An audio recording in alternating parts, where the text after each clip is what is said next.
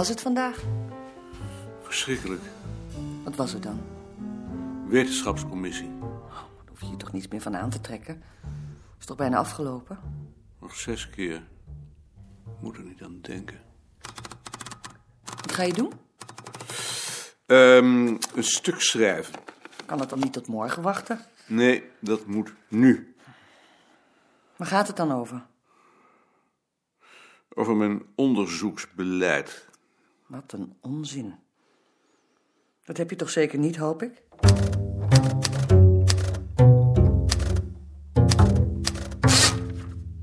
Ad, ik ben nu even naar het muziekarchief. Hoe ga je dat nou oplossen daar?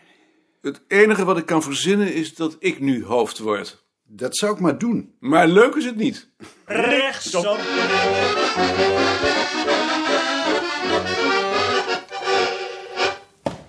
Had je net willen spreken. Ik moet naar het muziekarchief. Ik heb je stuk over de samenhang van jullie onderzoeksprojecten gelezen. En ik heb gezien dat je mijn onderzoek daar niet in hebt opgenomen. Nee, heb ik geen kans nog gezien. Dat vind ik bijzonder onaangenaam. Dat vond ik ook, maar het lukte me niet. En ik denk dat dat is omdat je wilde dat het niet lukte. Merkwaardig. het enige wat ik kon doen, en dat heb ik ook gedaan, is het als apart project opvoeren onder verantwoordelijkheid van Klottenbelt. Daar wil ik er nog wel eens over praten. Dat kan maar nu niet. Ik moet nu naar het muziekarchief. Rechtsom.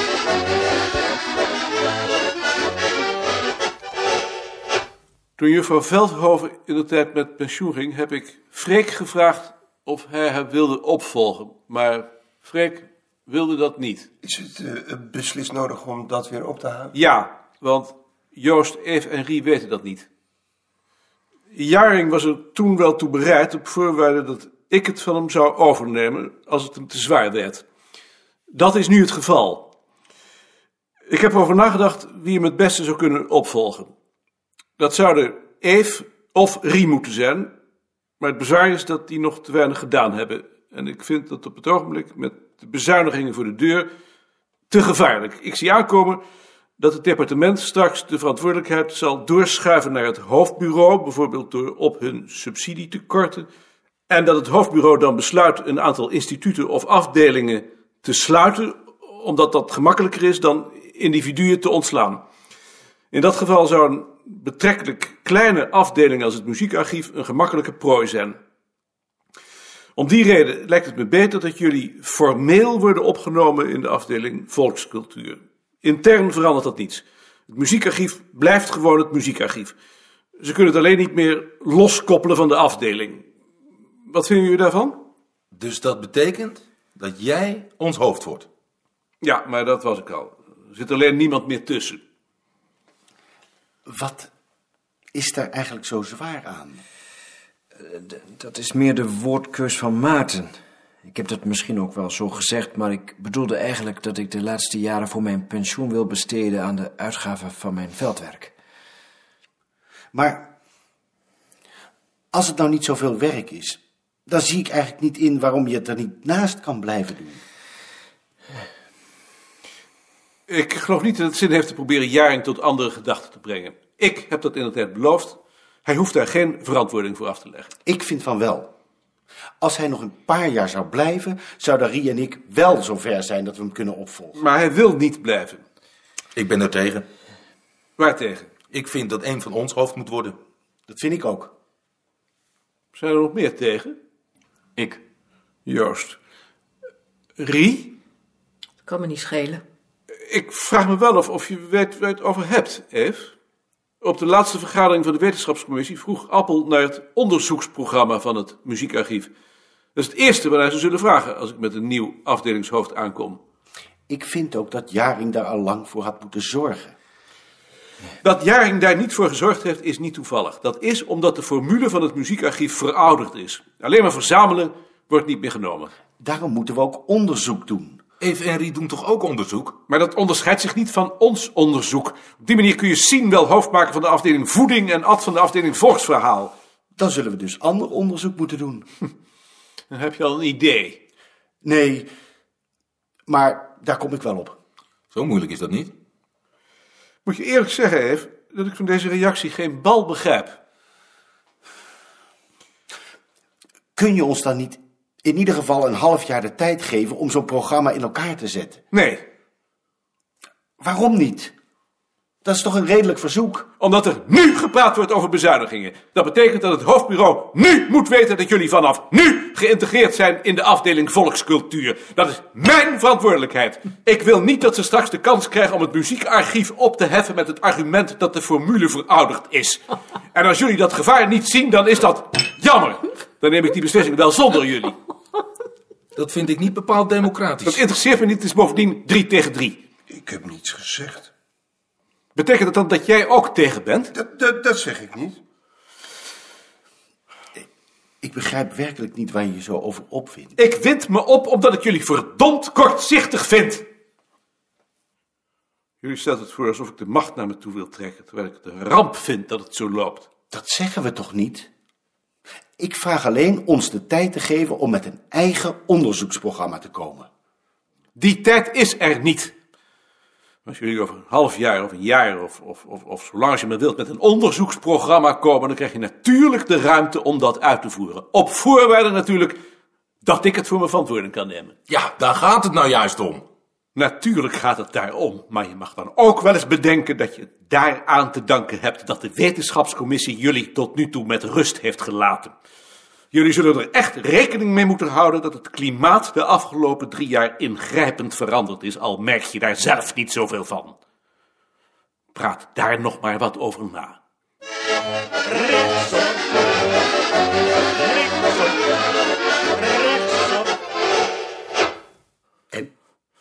Ik ben razend geworden. Ja? Ze begrijpen absoluut niet hoe gevaarlijk de situatie voor hen is.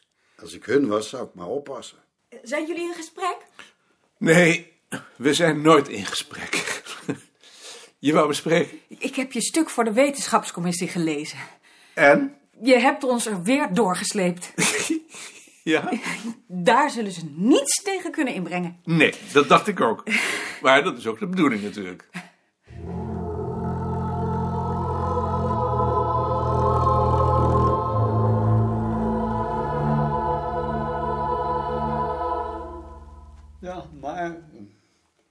Dag Anton. Ben je er al lang? Nee, ik ben er net. Hoe gaat het? Goed.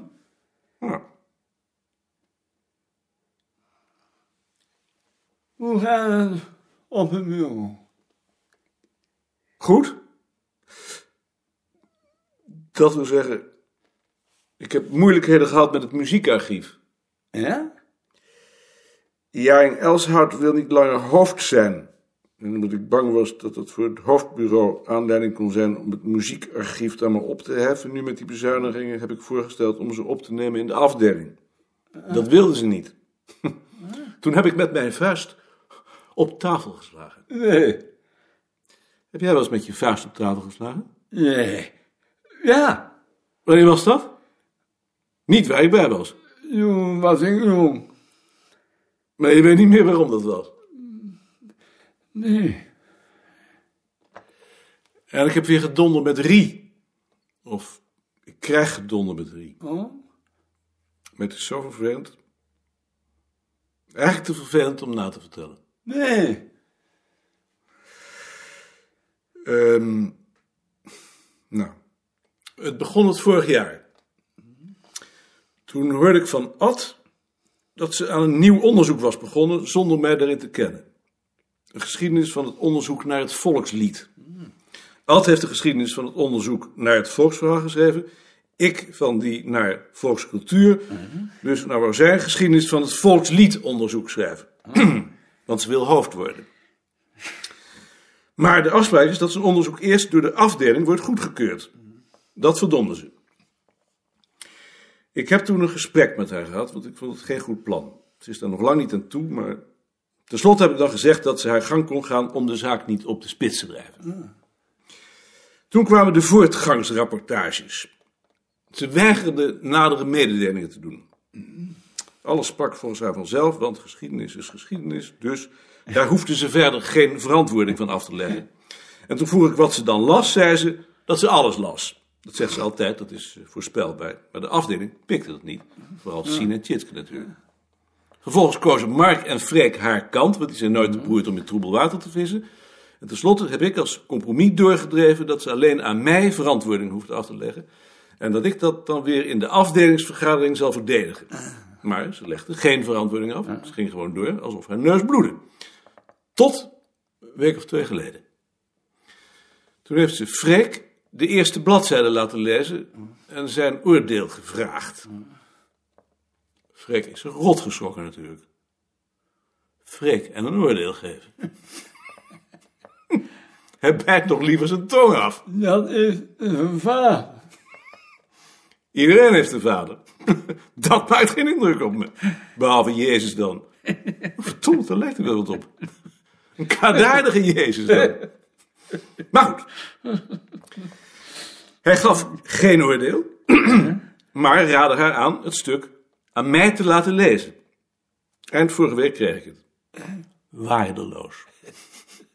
Ze haalt alles door elkaar en ze heeft veel te weinig gelezen. Ik heb dat nou dit weekend allemaal opgeschreven, aangegeven wat ze moet schrappen, wat ze moet veranderen, wat ze nog moet lezen.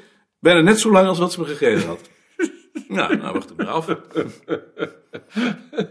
Zo krijgt iedereen zijn DH. En ehm, we hebben een insluiper gehad. Ik zat in het zolderkamertje aan jouw bureau.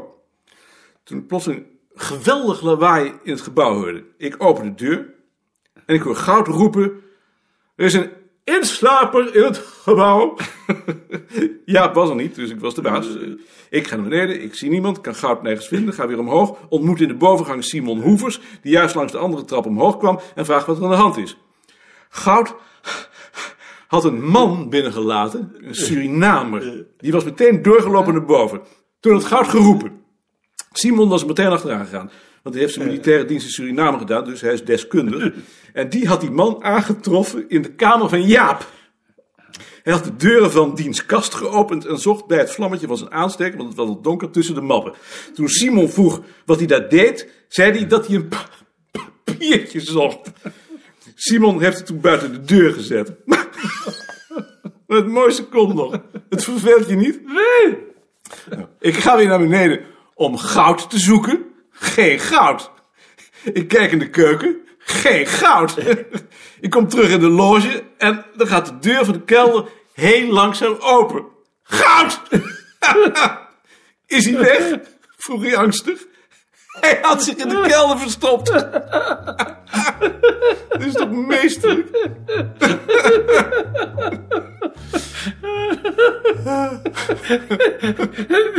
Een borrel.